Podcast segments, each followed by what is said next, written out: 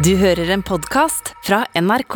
Musiker Lars Lillo Stenberg har vært en sentral skikkelse i norsk popkultur siden midten av 80-tallet. Og bandet hans De Lillos regnes som et av landets aller viktigste, med 18 albumutgivelser og en rekke priser i bagasjen. For tiden er Lillo Stenberg å se i TV-serien Over Atlanteren, der han og fem andre kjendiser får mer og mer peiling på seiling. Dette er Drivkraft med Vegard Larsen i NRK P2. Lars Lillo Stenberg, velkommen til Drivkraft. Hjertelig takk. Hvordan har du det? Jeg uh, har det ganske fint. Ja. Ja? Syns uh, Jeg syns det var eh, deilig å komme tilbake til Oslo. Jeg har vært i uh, har hatt, hatt en ganske fin og flott og etterlengtet litt utenlandsferieopphold. Høstferie? Ja. Eh, Men det er et eller annet med denne høstluften i Oslo som er inspirerende. I hvert fall hvis man har vært litt borte fra den. Oslo i det hele tatt uh, er inspirerende for deg, er det ikke det? da?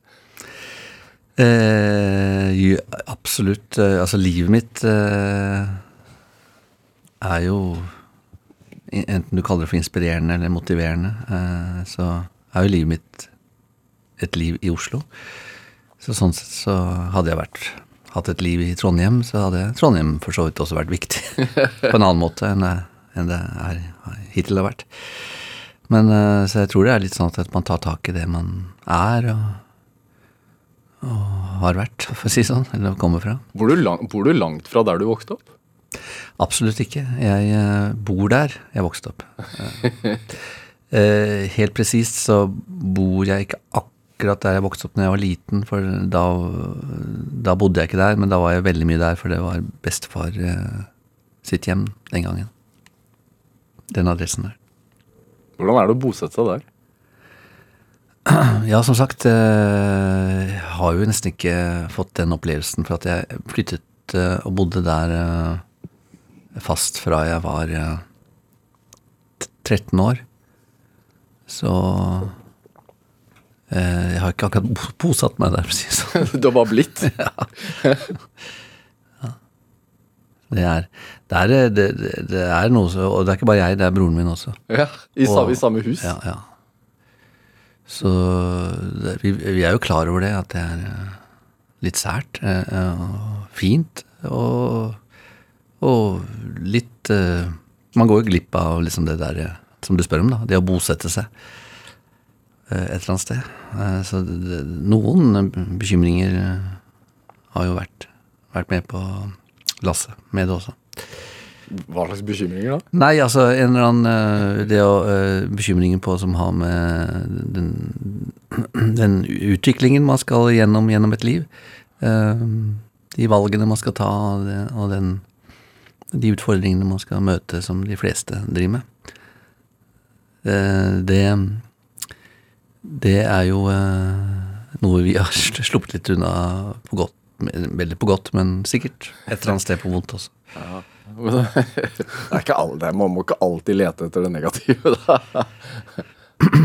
Nei, men eh, det fins jo negative ting som dukker opp uten at man leter etter det òg. Ja, når man flytter inn i et sånt, eh, hva skal man si, det blir jo en annen generasjonsbolig på et vis, er det, har det vært vanskeligere å gjøre endringer på huset? Ehm, det har Hva tenker du på utvendig, innvendig? Innvendig. Tenker sånn at det, dette var jo bestefars uh, kontor, her kan jeg, Ja, ikke sant. dette kan jeg ikke Eh, Uh, ikke der som eh, jeg eh, bor, eh, har det vært noe problem, men eh, Og etter hvert ikke noe stort problem for min bror heller, tror jeg, og hans kone.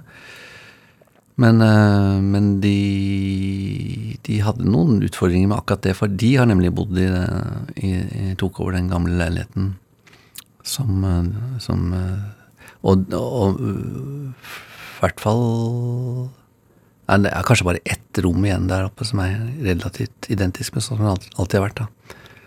Det er blitt en del småforandringer, men det har gått over lang tid. Over lang tid, Så vi måtte gjøre det i veldig rolig tempo. Hvordan er det å bo under broren sin, da? Eh, Det er, har jo vært mye hygge og sosialt eh, eh, Jeg tenker tilbake til eh, liksom 80-tallet og sånne ting, hvor, hvor det var veldig mye vorspiel og nachspiel opp, opp og ned i alle veier. Det, det har rotet seg en del. Um, vi har nok funnet en annen form nå, som eh, Hvor vi er litt, litt mer atskilte. Ja. Er, du- er du hjemmekjær? Det må du jo være. Eh, ja, det er jeg. Absolutt. Ikke noe tvil om det. Hvorfor det, tror du? Ja, ja, så jeg lever jo et liv egentlig hvor eh, I denne liksom, såkalte jobben jeg har, så eh, Som innbefatter utenfra sett eh, enormt mye reising, så er jo egentlig Kan jeg avsløre at um, det innfatter også utrolig mye hjemmesitting uh, på dagtid. Um, og jeg har liksom hatt uh, alltid uh, veldig Det er veldig mye som har skjedd eh, av det jeg driver med når jeg lager musikk og sånne ting, har jo skjedd hjemme. På dagtid hvor det kanskje ikke er noen andre der og sånne ting. Så jeg har alltid levd et hjemmekjært liv, for å si det sånn. Uh, men uh, nå vet jeg ikke akkurat uh, Når du spør meg hvorfor jeg er hjemmekjær, så må jeg da spørre meg hvordan er det å ikke være det? Hvordan har de det, de som ikke er det? Hva, hva, hvordan er det? Betyr det at de helst vil bare sove hjemme og så komme seg ut på jobben og helst treffe noen andre mennesker et annet sted hele tiden, liksom? Um, jeg hatt Jeg hadde jo eh, noen tiår hvor jeg holdt på sånn. Hvor jeg, hvor, det, hvor jeg var på byen fem, fem dager i uken. Når var det? Nei, det var, eh, det var 20-årene, og det var langt innpå Ja, det var kanskje helt fra Mer eller mindre fra gymnasperioden til eh, Til kanskje helt inn på litt inn på 40-årene, kanskje. At det var mer eller mindre mye ute på byen. Ja. Hva fristet der, da? Eh, kanskje kombinasjon av, av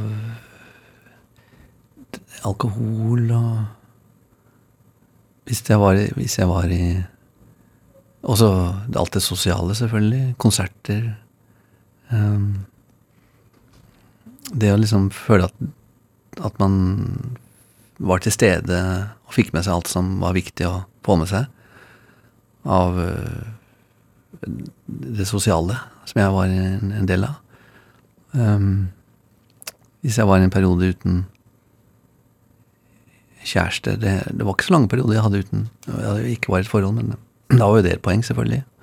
Gå ut.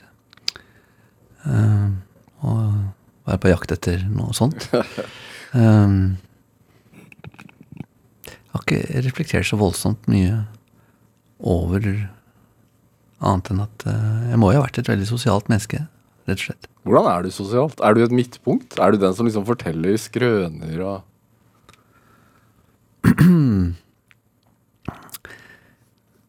Nei, ikke, ikke, sånn at, eh, at eh, Jeg tror jeg folk får inntrykk av at jeg driver med det, men det kan godt hende at jeg overdriver litt eh, hvis jeg først er i gang med et eller annet som jeg forteller om, eller at jeg plusser på litt for at det skal være morsommere, det jeg sier.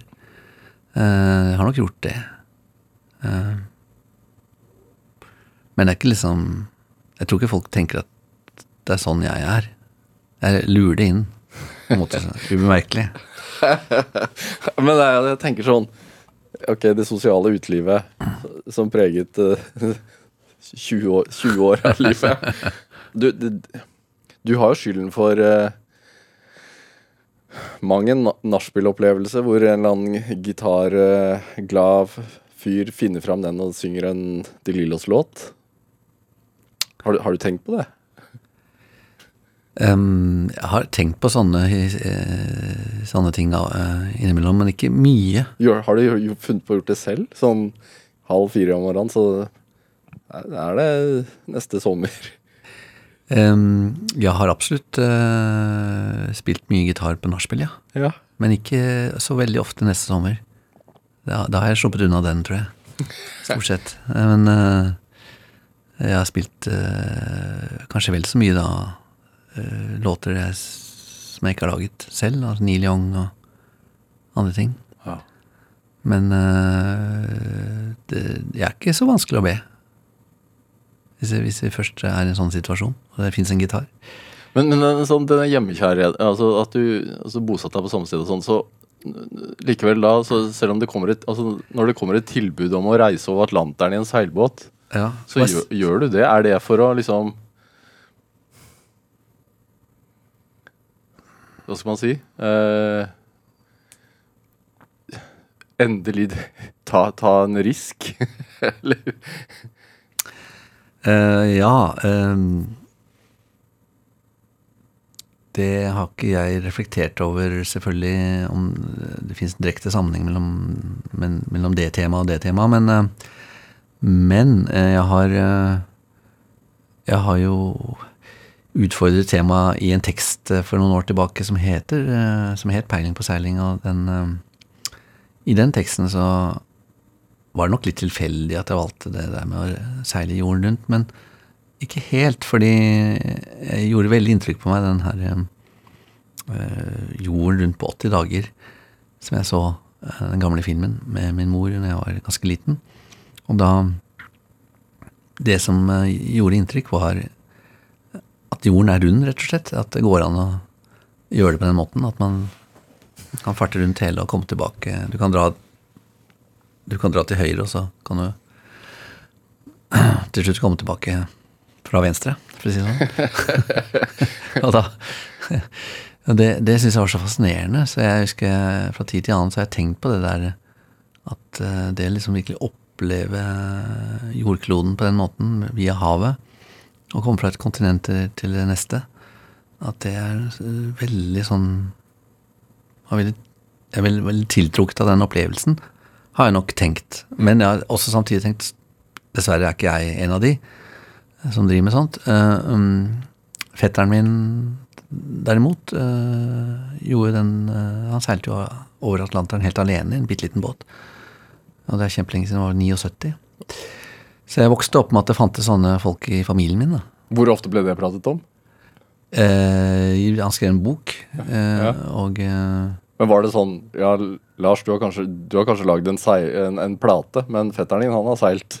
seilt Ja. Var det litt sånn? Jo, jo, jo. eh, Det var jo veldig Vi var veldig stolte av, av, av at han hadde gjort det. Um, men eh, samtidig så ble det litt sånn at jeg tenkte at han er sånn. Sånn er ikke jeg. Um, jeg driver med andre ting. Uh, så derfor har ikke jeg oppsøkt eh, Selv om jeg har hatt denne fascinasjonen jeg nevnte, så har jeg ikke oppsøkt eh, en sånn opplevelse likevel. Så når jeg da fikk dette tilbudet, eh, så skjønte jeg plutselig at jøss, nå får jeg liksom pose-sekk, Jeg får lov til å være med på eh, å være en sånn fyr som eh, gjør noe sånt, samtidig som jeg ikke har tenkt at jeg er en sånn fyr. Og da tenkte jeg at dette må jeg bare si ja til, og det, det skjønte jeg med en gang jeg fikk spørsmålet. Og samtidig så skjønte jeg at dette blir jo litt dumt, for jeg liker jo ikke egentlig å være med på et eh, opplegg hvor jeg skal dokumenteres i et TV-program eh, så til de grader som dette fenomenet er, da. Men jeg kjente det, at det må jeg jo bare akseptere og tenke er greit, liksom. Så, det, så, det, så, svaret ble ganske fort ja. Jeg måtte jo finne ut av de praktiske ting da, som jeg hadde med, med både De Lillos og familie. Hva savner man mest på en sånn tur? Jeg savnet ikke noe spesielt. Nei.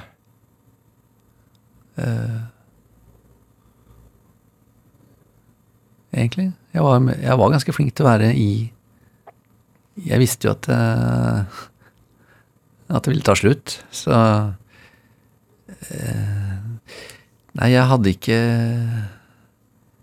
jeg, jeg var nesten sånn at jeg kunne ha fortsatt. Eh, absolutt ikke så viktig for meg å oppleve en ny runde med, med så mange dager.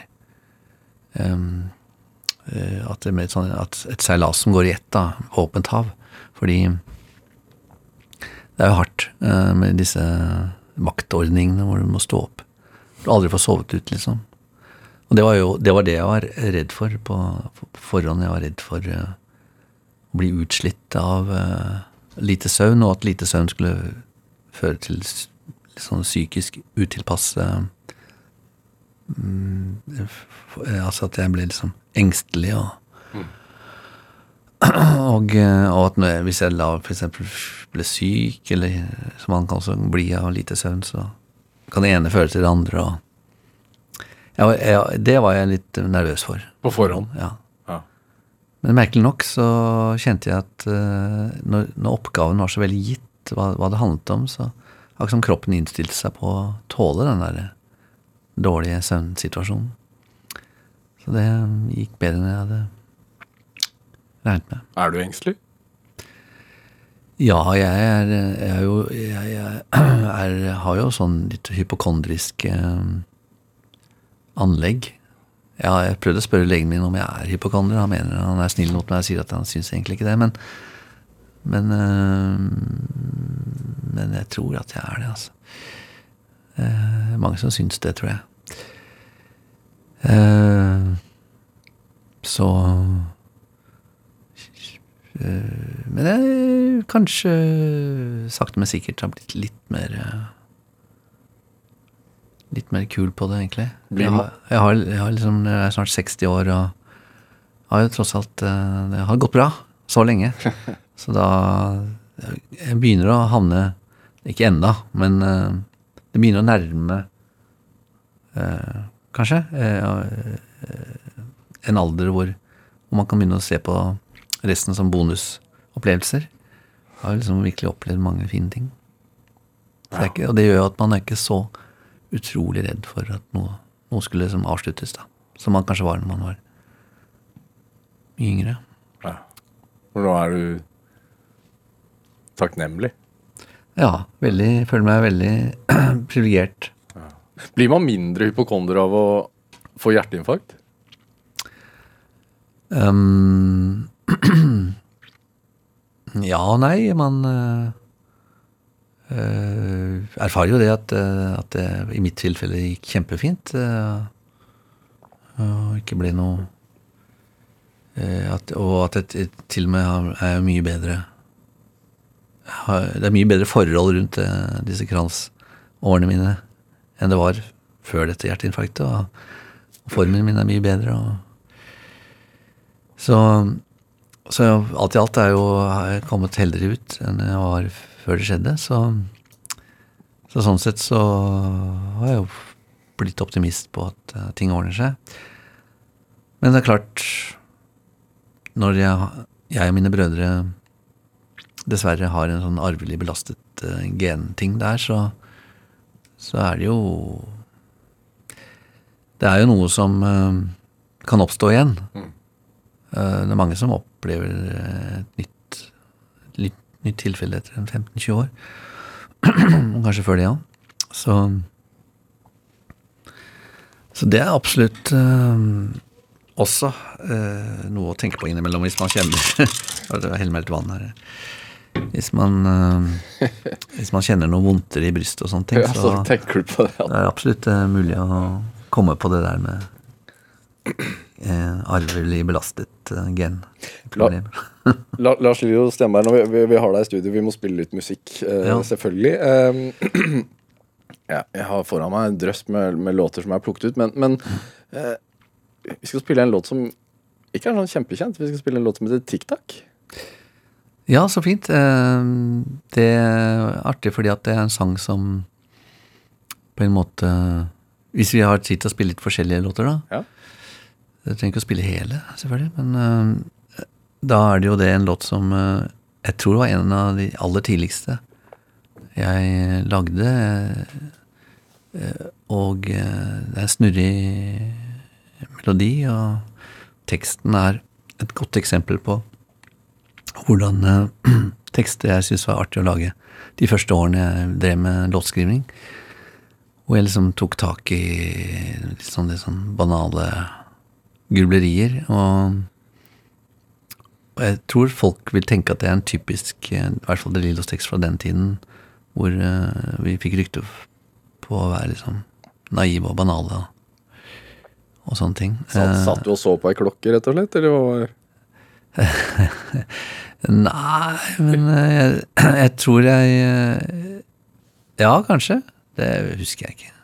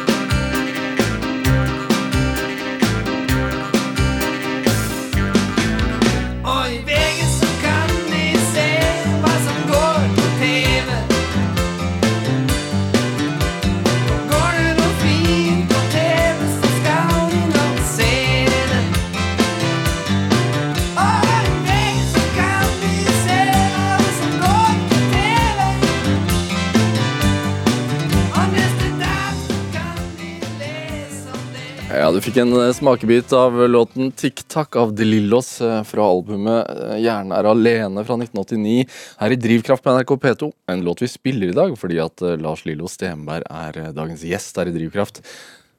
Du er fryktelig opptatt av at uh, vi var opp, litt for opptatt av at at tida gikk fra klokka og var så opptatt av å rekke ting. Ja. Ja.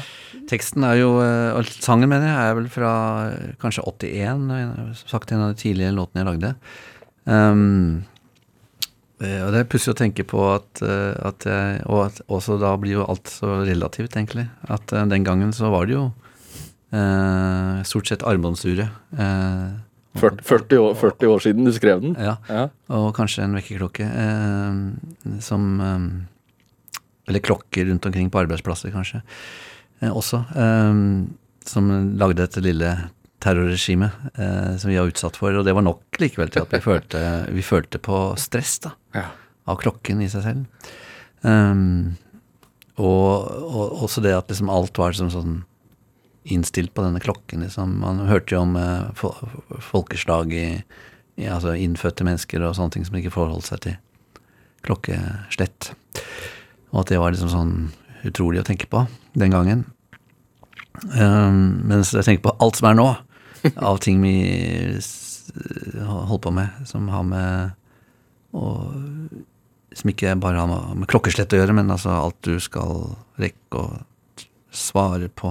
Dette app-regimet og alt sammen som vi er utsatt for. Eh, Regime. ja, du må liksom laste ned en jævla app eh, en gang i uken for å være liksom For å håndtere hverdagen, liksom. Hvordan forholder du deg til det? da? Eh, nei, jeg blir tvunget inn i, inn i, inn i det. Altså, jeg er ikke, er ikke Jeg vet om folk som er eh, mer motstandere av det enn meg, men, eh, men jeg merker at jeg stritter litt eh, imot at liksom Det er noen sånne apper som jeg selvfølgelig har glede av. Jeg er ikke til å komme fra at Vips er en veldig praktisk og grei ting, men øh, og den der tuneren jeg har på Den gitartuneren er også fin. Um, men eh, det at du liksom hele tiden blir du kan, Noen sier du kan bare laste ned en app, så eh, Enten du snakker med Telia eller et eller annet. Ja.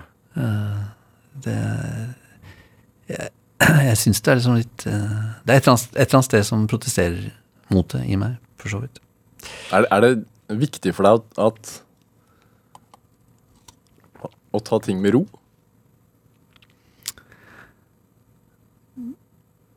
Mm, sånn ikke, ikke på død og liv eh, i alle livets uh, kanter og kroker, men uh, uh, Eller hovedscener, eller hvor det, hva man skal kalle liv, livet, i sånne metaforer. Men, men Men det er, det er jo Jeg vet ikke det, det å kunne ha et rom hvor eh, hvor du har kontroll, liksom, og ikke At du liksom ikke At ting, at ting ikke kontrollerer deg, det, det Det er vel viktig for oss. Men eh, altså, jeg er ikke noe Jeg er ikke noe sånn eh, godt eksempel på en person som holder meg unna Bare bruker mobilen til nødvendigheter. Altså, jeg eh, sitter eh, mye med den. Googler og nyheter og mye, masse greier jeg ikke trenger å vite noe om, som jeg går inn på. Oppstår tekster på det, på det viset nå? Nei, jeg syns ikke så lett eh, Det er det dumme, at jeg syns jeg i grunnen bruker mye tid på noe som ikke er fruktbart for så veldig mye. Eh, Jeg vet ikke. Jeg vet ikke helt. Jeg lager jo Jeg rekker jo å lage tekster i løpet av i løpet av de, den tiden jeg trenger eh, for å lage en ny liksom. liksom. Så jeg får gjort det jeg skal. Men uh, Hvordan er en vanlig liksom, La oss kalle det arbeidsdag da, for deg? den er Den fins ikke, på en måte. Eh, det Jeg syns en, en dag for meg kan være handle om masse annet som ikke har med musikk å gjøre. Det går liksom i ett, enten er det sånn eller sånn. Uh, jeg kan gå I de siste årene har jeg gått litt uh, opp i litt sånne praktiske ting. Jeg syns det er blitt morsomt å, å holde på med det. Som for eksempel? Ja, det kan være noe småsnekring og eh, Ja, faktisk. Uh, jeg bygde et bord her i fjor av, eh, av gamle gjerdestolper. På hytta? Nei, hjemme. Hjemme. Ja. Uh, og gjerde er en ting vi holder på med nå. Vi skal skifte det. Eh, så jeg går liksom veldig opp i de, de eh, tingene jeg skal ordne med der, og ut på fyllinger og kaste ting og holde på. Ja, eh, dagene kan gjerne gå med til sånne ting. Hvor står det bordet? Nei, det er et hagebord. Det er et hagebord. Ja, det- det blir benyttet. Ja da. Litt lealøst er det. Men er du da en sånn Tegner du det opp på forhånd? Planlegger? Ja, jeg, jeg, Ja, litt. Litt. Ikke sånn helt til punkt og prikke, men eh, jeg beregner og måler og holder på. Er det? Siden du er musiker og, og, og, og er kunstner, da. Eh, melodier og tekster og sånn, kommer det til deg mens du holder på med det? Altså mens du snekrer gjerdet? Um, ja, altså Hvis vi skal prøve å komme inn på det som er navnet på denne programposten, altså Drivkraft, så, så vil jeg vel si at eh, det er melodiene. Eh, eh, den derre trangen jeg har til å prøve meg nok en gang på noe musikalsk. Og da er det ofte jeg vil kalle det som selveste objektet, er jo gitaren, da, som er drivkraften. Den, den ligger og slenger et eller annet sted uh, hjemme. Slenger? Ja, jeg er, ikke, jeg er ikke noe ordensmenneske med tingene mine, egentlig, så jeg er ikke noe flink til å legge den opp i kassen sin og lukke den. Den ligger i en eller annen sofa eller et eller annet sånt. Uh, og jeg, jeg ser Det er fint, for da ser jeg den jo. Og eh, Og da kan jeg plutselig, mens jeg går fra et rom til det andre rommet, eh, i tanker om noe helt annet som jeg skal gjøre, så kan jeg se gitaren, og så kan jeg så, så driver den med sin kraft meg mot den, og så Du mener det? Ja. Ja. Og så tar jeg den opp. Og, og det, det kan godt hende at jeg da, bare ti sekunder rett før det, har tenkt på noe helt annet. Og, og da tar jeg den gitaren, spiller en D-dur eller en G-dur, og så er jeg i gang med noe som plutselig er eh, en ny låt. Eh, og det kan gå veldig fort. Eh, kan skje på et par minutter at jeg har laget noe som høres ut som en eh, opplegg for en ganske no, noe fint noe. Det, og det skjer jo mye fortere, og lett, det kommer lettere til meg nå enn i begynnelsen. Hvorfor det, tror du? I begynnelsen så hadde jeg ikke evnene, kanskje, på samme måten. Hva snakker vi da? Altså før første plate, eller? ja, fra jeg, begynte å lage låter da jeg var 16 år og sånn. Ja. Eh, så så måtte jeg gruble og knote og holde på og lete og og jeg, akkurat som jeg ikke Jeg visste ikke Og, og, det, på, på, og det var gøy, eh, for det var jo liksom eh, Det var som å svømme ut på et svært, rart hav uten noe svømmevest, for å si det sånn. Jeg visste ikke noe om hvor langt det var bort til eh, den øya jeg skulle svømme, liksom. Eh, mens nå vet jeg mye mer om de, om de farvannene. Men prøvde du da å kopiere andre som du hørte på? Nei, jeg hadde på, ikke eller? anledning til det engang. For jeg, jeg visste ikke Jeg kunne ikke Jeg, jeg kunne bare liksom spille en akkord, et finne, finner en akkord kanskje litt opp på griprett, altså det opp på femte-sjette bånd, uten å vite at det faktisk er Jøss, dette er en- bare en slags annen D-dur, for eksempel, da. Ja. Jeg ante ikke hva det Jeg bare syntes det klang litt sånn Jøss, det var fint. Så fant jeg fingeren et annet sted, og så Kanskje det er fint sammen, da. Og jeg hadde ikke noe analytisk forhold til det. Så det kunne, jeg, jeg kunne bruke lang tid på På liksom bare komme fram til noe som med, med litt godvilje hørtes ut som en ny låt. da. Ja. Mens nå vet jeg liksom hvordan uh, akkordprogresjonene fungerer. Jeg vet så mye mer om det, jeg har så mye erfaring. Så jeg kan sette meg ned og uh, lage et eller annet som Så høres ut som en sang ganske fort. Ja. Glemmer du tid og sted, da? Um, nei, ikke nødvendigvis eh, nå lenger, kanskje. Kanskje den gangen mer. Men mitt poeng uh, er mer det at også fordi det er så lett, så kan jeg også lage ting som jeg ikke er, blir noe imponert over selv, da. Eh, jeg kan eh, lage kanskje en Hvis jeg, hvis jeg vil, Ja. hvis jeg, og hvis jeg attpåtil skal skryte, så kan jeg sikkert lage en ti låter på en time. Hvis du gir meg en gitar, hvis du gir meg en gitar nå, Ja, det har jeg, og, har jeg ikke dessverre. og, og så kan jeg sikkert lage det. Gjøre det. Sette meg ned på et kott et eller annet sted og så gjøre det.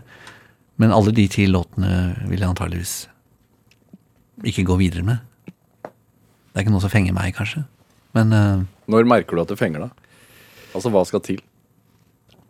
det er nok eh, Det er nok når jeg føler at jeg virkelig klarer å fange Fange et eller annet som Som gir meg Som gir meg en sånn liten sving i følelseslivet mitt. Eh, det, er, det er noe som fenger meg, rett og slett. Musikalsk eh, har en fengende effekt på meg. Og det, det er melodi. Og det er mm, melodi. Eh, veldig ofte er det det. Eh, det kan være en sånn groove-basert ting også, eh, som, ja, som, hvor det er veldig mye av poenget med det. Det sånn, En av våre mest kjente sanger har jo en elendig melodi. altså Det er jo ikke hvilken, Det er en, en håpløs melodi. hvilken, hvilke, hvilken sang? Og den er jo en av våre kanskje fineste på en måte når det gjelder originalitet og, og sånne ting. Eh, Det er Tøff i pyjamas. Ja. Du er ikke fornøyd med den melodien? ja, men det er på grunn av at, at den er som den er, at den er fengende. ikke sant? Man kan ikke si at det verset som melodi er spesielt fengende, men den har et spe, veldig spesielt energi, eller pågående rytmisk spesiell ting. og Ja. Så liksom hele oppfinnelsen rundt Rundt liksom hvordan den spilles også kompmessig Kompmessig, da, er øh, Det er der liksom det fengende ligger. Og teksten, selvfølgelig, som har den underlige Hva handler Tøffe pyjamas om, egentlig?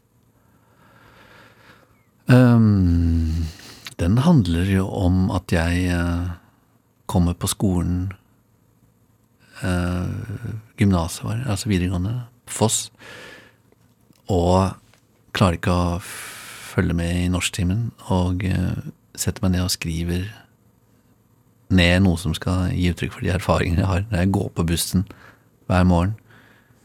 Um, og at jeg kjenner på det at jeg uh, har en slags sånn derre selvfokus, en slags sånn selvopptatt uh, greie gå på bussen, at jeg er en er nok i den alderen hvor jeg liksom grubler veldig mye og tenker på min, min identitet og hvem er jeg sammen med andre mennesker og sånn. Jeg hadde uh, i tillegg også Jeg tror jeg har sagt dette noen ganger i intervjuer om akkurat det der. Så, så hadde jeg også uh, en periode hvor hvor jeg var utsatt for noe sånn déjà vu-anfall. Jeg har senere funnet ut at jeg tror jeg var veldig sliten i hjernen min, altså, for at uh, um, For mor uh, døde jo den våren jeg var 18. Og uh, den høsten som kom der, så var jeg slags, Det var en slags krise. Et sjokk og en krise jeg gikk gjennom. Så jeg, jeg tror ikke som hjernen min har fått en slags sånn der, belastning.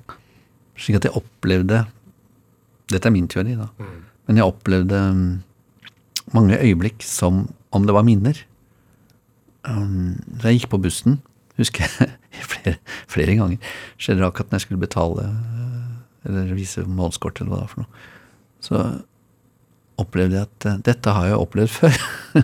det hadde jeg gjort to år på rad, i hver dag nesten. Men, eh, men da, da snakker jeg ikke om fenomenet å gå på bussen der i Skåveien der. Det var, det var liksom Jeg har opplevd akkurat at det står en person på andre siden av gaten der. Det sitter noen gamle damer og snakker om akkurat det der. Og at bussjåføren snur seg mot og har det, den, det ansiktsuttrykket. Det er barn som løper på andre siden. Og solen som kommer inn sånn. Akkurat det har jeg opplevd. Akkurat det øyeblikket. Og, ble, og da fikk jeg da ble jeg, da ble jeg, jeg fikk nesten en slags hjertebankanfall av det. Og jeg måtte tumle meg tilbake i, i i bussen, eller bakerst i bussen for å sette meg. Og det jeg, var jeg hjemsøkt av den høsten der. Og det var det samme høsten jeg skrev den teksten. Så jeg tror jeg begynte å få en slags sånn fin, fin eh, Hva heter det for noe? Eh, veldig følsomhet da, for, eh, for det å gå på bussen. Eh, eh, så, eh, men jeg hadde humor på det et eller annet sted, tydeligvis. Så jeg skrev denne teksten da, i norsktimen og, og det eh, Men det, så kom det der wow, wow, yeah, yeah, slik går refrenget her. Eh, det var nok eh, noe jeg må ha skrevet fordi at jeg syntes det var teit å skrive om dette her. Så jeg måtte liksom uh, avvæpne avvæpne Ja. hele greia med å si at uh, Og jeg hadde, jeg, hadde, jeg hadde nok en veldig sans for mm, noen sånne absurde greier uh, også. Jeg var veldig fan av Jan Erik Vold og Arild Nyquist og sånne ting. Så, jeg, så hver gang jeg kunne finne på noe sånt, så var jeg veldig fornøyd. da. Skal vi, skal vi høre litt, eller selv om du ikke er så særlig fan av melodien? Jeg er fan av melodien. Altså, jeg er fan av at den ikke har noe spesielt bra melodi, for å si det sånn.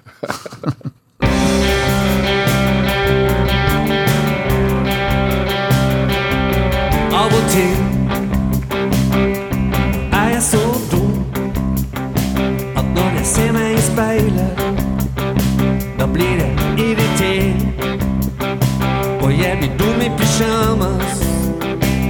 jeg blir dum med frakk.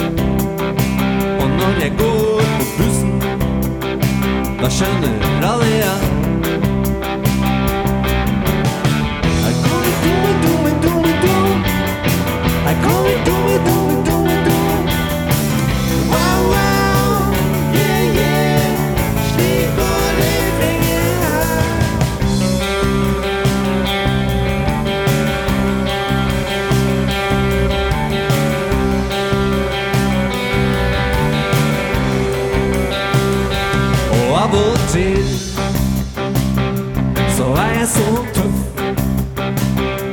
Jeg ser meg i speilet, da blir jeg imponert.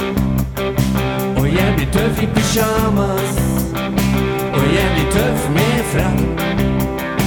Og når jeg går på bussen, da skjønner alle at Her kommer tøffe, tøffe, tøve, tøffe. Her kommer tøve, tøve.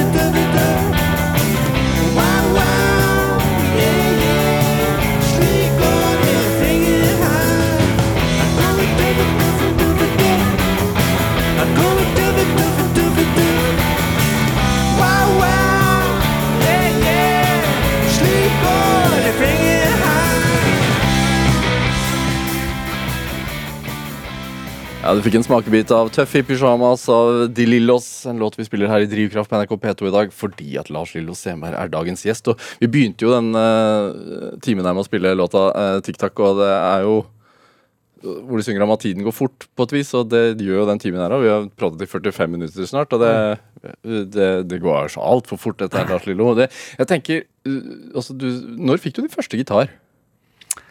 Eh, den fikk jeg da jeg var 13, mener jeg. Ja. Hva var grunnen? Var det en gave, eller var det Grunnen var at jeg hadde begynt å spille på min brors uh, gitar. Og, og uh, det begynte å spille så mye at han, uh, at han av og til eh, ble lei at, den var, at han ikke fant den og var oppe på mitt rom. Så, eh, og min mor eh, skjønte jo dette her, at, jeg, at dette var en viktig ting for meg. Så det ble, det ble en flott gave, ja. Hvorfor var det musikk viktig i, i, i ung alder? Det var det bare. altså Jeg var helt oppslukt av musikk fra jeg var uh, veldig liten. altså tre- To-tre år gammel. altså Jeg var helt merkelig. Jeg var eh, Det- Har du blitt fortalt det, eller husk, har du faktiske musikalske minner fra Jeg har altså- blitt både fortalt, og jeg husker ganske mye. Jeg husker at jeg hørte på alt. Det far skjønte det, så han var mye på turné med Riksteatret. Han var jo skuespiller. ja, Både mann og faren din var skuespiller? ja. Så han sendte i posten uh, singler med alt mulig rart. Miles Davis og Sorba, den greske Og jeg hørte på, jeg tok alt. Ja. Uh, uh, når jeg var baby, så måtte de spille Living Doll med Cliff Richard hele tiden. For at du skulle sove? For at jeg ikke skulle, jeg skulle gråte? Eller så skrek jeg. Og da, da var jeg bare ett år, tror jeg. Så det er litt rart der, altså. Er det, er det melodier du, du har jo laget musikk som fester seg hos oss som hører på. Mm. Jeg har jo gått og nynnet på De, Lillos låter hele dag. Eh, er det sånn for deg òg? Bare at det ikke er altså, At det er nye ting? Går det og surrer melodier? Altså, jeg er stort sett avhengig av et instrument for å sette i gang. Så det er veldig sånn Den går som regel via gitaren, som sagt. Ja. Kan være piano òg. det er noen få eh, ganger hvor jeg har laget en, bestemt meg for å lage en melodi uten, uten uh, instrument. da. Jeg har gjort det noen ganger. Og det har også fungert. Men det, jeg, det, det skjer ikke. Da må jeg liksom si at nei, søren, nå skal du prøve deg på det, liksom. Jeg må si det til meg selv. Det, bare, det skjer ikke så på samme måte. Men jeg har noen sånne opptak et, eh, på mobilen, forresten, at jeg har sittet i bilkø og kjedet meg, og så har jeg plutselig begynt å spille eh, på rattet, med, altså tromme. Og så har jeg liksom hørt at jøss, her er en fin groove-ting som kan Så jeg begynte å synge på et eller annet. Ja. Og da, har- det har også vært en metode noen ganger. Hvor kommer teksten fra? Kommer lenge etterpå. Det er, teksten er jo et nødvendig onde. Som, som heldigvis eh, vis, viste seg i sin tid at jeg kunne benytte da, denne her fascinasjonen jeg har for grubling og, og refleksjon. eh, eh, jeg fikk jo litt tilbakemeldinger i, på skolen, eh, på barneskolen og sånne ting, at jeg husker stil, at jeg hadde litt sånn litt morsom innfallsvinkel på tematikken, liksom. Så jeg hadde nok en sånn liten idé om at jeg, at jeg kunne uttrykke meg på på et personlig vis. Så når jeg skjønte at jeg kunne bruke det i tekster, eh, på, så, så begynte jeg å stole litt på det. Men jeg har liksom aldri Det har ikke vært drivkraften, rett og slett. Tekstene. Nei. Det har vært eh, eh, Det har vært noe som jeg bare må håndtere, og så har jeg hatt flaks, syns jeg, med at jeg kan bruke hjernen min til det. Uh, og det har vært mye Jeg syns det er veldig gøy hvordan tekst uh, absolutt uh, lager noe veldig spesielt ut av låta. Hvordan liksom musikken får en helt Musikken blir jo veldig fort På samme måte som musikk til Når du setter på musikk Jeg har jo laget filmmusikk også. Og det er alltid veldig interessant hvordan musikk påvirker en spillescene på film. ikke sant? Og sånn er det jo når du får tekst på, så det blir jo, musikken blir plutselig score til noe du ikke hadde regnet med at det skulle være. Og så får du emosjoner ut av det som du ikke hadde regnet med. Som tar de nye retninger som verken tekst eller musikk alene visste om.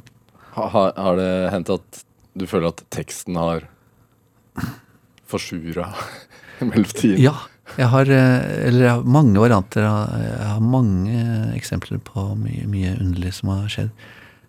Jeg har laget, jeg laget en fin melodi, så lager jeg tekst til den, og så syns jeg plutselig det, det har skjedd. At jeg syns teksten ble Jøss, den her teksten prøver å si et eller annet.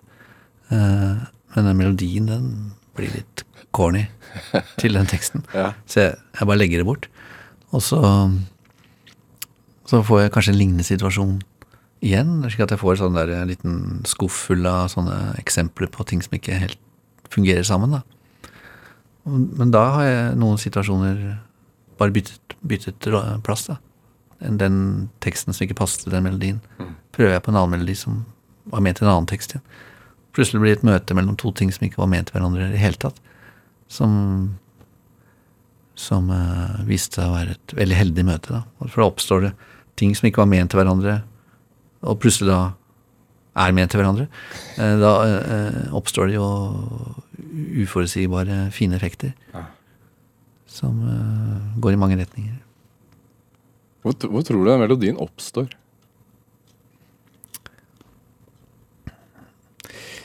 Nei, det er jo Er du opptatt av sånn åndelighet og Du har snakket om Buddha og sånn noen ganger. Ja. Eh, jeg er eh, opptatt av alt, alt som kan grubles over eh, på denne jorda, er jeg opptatt av, for så vidt. Så jeg Er det de store spørsmålene du grubler på da, eller hva? Og ja, mange, mange store og mange uviktige og mange viktige, og, og hva som er viktig og ikke viktig, det har jeg grublet på. Uh, uh, absolutt. Jeg, er til og med, jeg har også gleden av å være med i en sånn lesesirkel for tiden, hvor jeg velger litteratur som, som er eh, midt i blinken i forhold til sånne grubler, grublerier. Da. Så jeg, jeg har glede av det. Hva var du valgt? I den lesesirkelen. Ja. Nei, vi har lest liksom, vi har lest disse bøkene som alle eh, driver og har lest. Da. Harari og, og eh, eh, Ja, nå leste vi den der eh, sånn skjerm eh, En sånn skjermkritisk bok av han eh, Herregud, kjenner han jo. Bjørn eh, Gabrielsen. Uh, uh, Ja, han er veldig skeptisk til barns, barns skjermtid. ja, Den har vi lest nå nylig. Ja. Uh, Men altså, vi har lest alle mulige sånne te tematikker som har med tilværelsen og livet og filosofi rundt det. da. Hvorfor er det så interessant? Det, det, det er bare fordi det er det. Det Det er kjempeinteressant. Det er veldig interessant å eh, lure på hvorfor vi menneskene er som vi er, og, og, og, og, se det i tidsperspektiv og historiske perspektiv, og eh, ut ifra mange ting vi tar for gitt som vi ikke burde ta for gitt, osv. osv. Som for eksempel. Ja. Slipper deg, en, deg. en, en bok som av, av, av eh, han Tolle, som jeg leste, som handler om uh, ego At man går rundt og tror at man er sitt eget ego, men det er ikke sikkert man er. Den kan, ego er kanskje en slags fremmedelement som kommer inn i hjernen din og, og, og, tror, og lager liksom den personligheten du tror du er, men det kan hende at bak der igjen så er det egentlig En annen. ja, eller et, en annen kraft enn egoet ditt. da. Sånne ting er jo interessant å tenke på. Er det en, en sånn gammel steinerskolegjeng, dette her? Faktisk, eh, mange av dem har gått på Steinerskolen, ja. Ja. Et spørsmål man begynte å gruble på allerede den gang, kanskje? Ja, det var mulig. Og mange Det med Steinerskolen er jo at eh, det er mange familier som har grublestemning hjemme, hjemme i husene sine, som eh, setter barna sine på Steinerskolen. Var det det hos deg? Så, så det er jo Ja Det vet jo mm, Jo da. Jo. Kanskje. Ikke så voldsomt. Det var ikke det filosofiske, akkurat. Det var det ikke. Men den kunstneriske uttrykkstrangen var der sikkert. Ja, den var jo der, den med mine foreldre som skuespillere og sånne ting. Og øh, mor, moren min hadde absolutt en veldig kreativ hjerne, altså. Det vil jeg si. Hvordan da? Nei, hun var øh, kjapp i vendingen i huet sitt. Uh,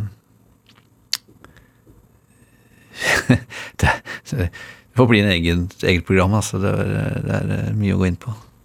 Men øh, hun var øh, Hun var litt øh, det var, en, det var en veldig spesiell personlighet. Hun var veldig, og for så vidt øh, ganske sterk og dominerende personlighet også. Um, men øh, det Hvordan påvirket det deg, da? Jo, altså Jeg hadde et veldig godt forhold til henne, jeg. Og jeg slapp litt unna de eh, tingene som tredje tredjemann i rekken. Som mine to brødre kanskje bryna seg litt mer på hennes geskjeftighet. da. Hun var en geskjeftig person. Så jeg, jeg som tredje øh, lillebror, så håndterte jeg Syns jeg det er ganske bra. Så jeg var veldig lei meg når hun forsvant. Jeg kunne, men jeg, ikke vet jeg åssen hun hadde håndtert eh, det å være Hun, kunne, ringe, hun kunne sikkert ha ringt opp en, eh, en sånn eh, kritiker som skrev noe stygt om oss, og skjelte han ut. Til de grader. Ja. Skulle du ønske sånn Skulle du Så ønske jeg vet ikke om jeg Jeg, jeg tror det kanskje noen ulemper kunne oppstått ved at hun hadde levd lenger også. Er det du, En time går fort, Lars Lillo. Uh, du sier at mye av drivkraften din er den gitaren. Mm. Den, får du dårlig samvittighet eh, overfor den også? Er det, er, det, er det som en slags person som Nei, jeg får ikke så For jeg vet at jeg bare vet at det er sånn. Jeg vet at det er en kraft som fungerer for meg, liksom. Så det gjør jeg i grunnen ikke. Og dessuten så har vi jo gitt ut så altfor mye musikk. Eh, verden trenger jo Jeg vet at det er lenge siden jeg har begynt å si at verden ikke trenger flere Drillo-sanger, men eh, eh, det er nesten, nesten god samvittighet når jeg ikke lager noen låter på et halvt år. så, så jeg slipper folk å Nå kommer det en ny plate, da. Ja. i desember ja, det var meningen. eh, Alt er, alt er klart. Jeg kunne kommet ut i morgen for, for den saks skyld, men, uh, men eh, dessverre pga. vinyl eh, Fabrikkenes belastning for tiden, så tar det så lang tid. Så vi kommer ikke ut før i januar. Vi vil gjerne gi den ut samtidig som vi har den på vinyl. Da. Men er det Det er en spesiell plate, forresten. Det er, alt går i ett. Og det er, det, er, det et godt eksempel på det at musikken til, for De Lillos er viktig. For det. Vi har valgt å lage en sånn litt sånn prog-rock-plate. Liksom, sånn som 70-talls hvor, hvor musikken går i ett. da. Ja, det er ikke noe Masse mu- spor. Masse musikalske overganger. da. Ja. Så det må fremføres i sin helhet. Det går an å plukke ut eh, deler av det og kalle og fremføre det som enkeltlåter live, selvfølgelig, men plata bør helst høres på under ett, ja. Er det for å utfordre dere? Ja, Det er sånn uh, Det er også en, eh, absolutt en blitt en drivkraft for De Lillos, da, at vi finner på ting, gir oss selv oppgaver og motiverer oss på den måten. Ehm, at uh, vi har liksom, vi har altså kjente låtene våre som er gamle, begynt å bli gamle. Som folk skriker etter på konserter, selvfølgelig. Og så kan vi uh, det, er den store maskinen, ikke sant? Dra på festivaler og spille ganske mange kjente låter og sånn. Uh, og så kan vi ha den lille maskinen vår som er, som er der vi er nå. Hvor vi lager våre litt sånne litt sære plater. Da. Prøver litt på det. Gjør ikke det hele tiden. Vi hadde en helt stær plate forrige gang, men nå, nå lager vi litt. Før der igjen så lagde vi en sånn akustisk, underlig Hva gir deg mest, da? Gir meg faktisk mest, eh, egentlig, og det blir, når, en går opp i en sånn der litt sånn fiks idé og gjør noe sånn ut av det. Ja. Gjør det. Hvorfor det? Da føler jeg meg mer i tråd med med en trang jeg har, liksom. Mens det andre er mer også, Det er også gøy å lage en veldig bra, streit og fint produsert plate, liksom. Men, vi, men da, da, da syns jeg den konkurrerer mer mot de gamle tingene våre. Mens en sånn merkelig, mer underlig prosjekt der eh, gjør ikke det på samme måte. Jeg gleder meg til å høre. Ja, Ja. Lars Lillo Stenberg, det var det vi rakk i dag. Ja, okay. Tusen takk for at du kom hit til Drivkraft. Ja, takk. Hør flere samtaler i Drivkraft på nrk.no, i NRK-appen eller last oss ned som podkast. Send oss gjerne ris og ros og tips til mennesker som du mener har drivkraft. Send den e-posten til drivkraft, krøllalfa, nrk.no. Vi hører veldig gjerne fra deg. Produsent og researcher i dag, det var Ellen Foss Sørensen. Anne Sofie Stang bidro også sterkt til denne sendingen. Eh, Følg oss gjerne også på Instagram, på NRK Drivkraft. Der har du en bildeoversikt over alle de som har vært gjest i dette programmet. Jeg heter Vegard Larsen. Du har hørt en podkast fra NRK. De nyeste episodene og alle radiokanalene hører du i appen NRK Radio.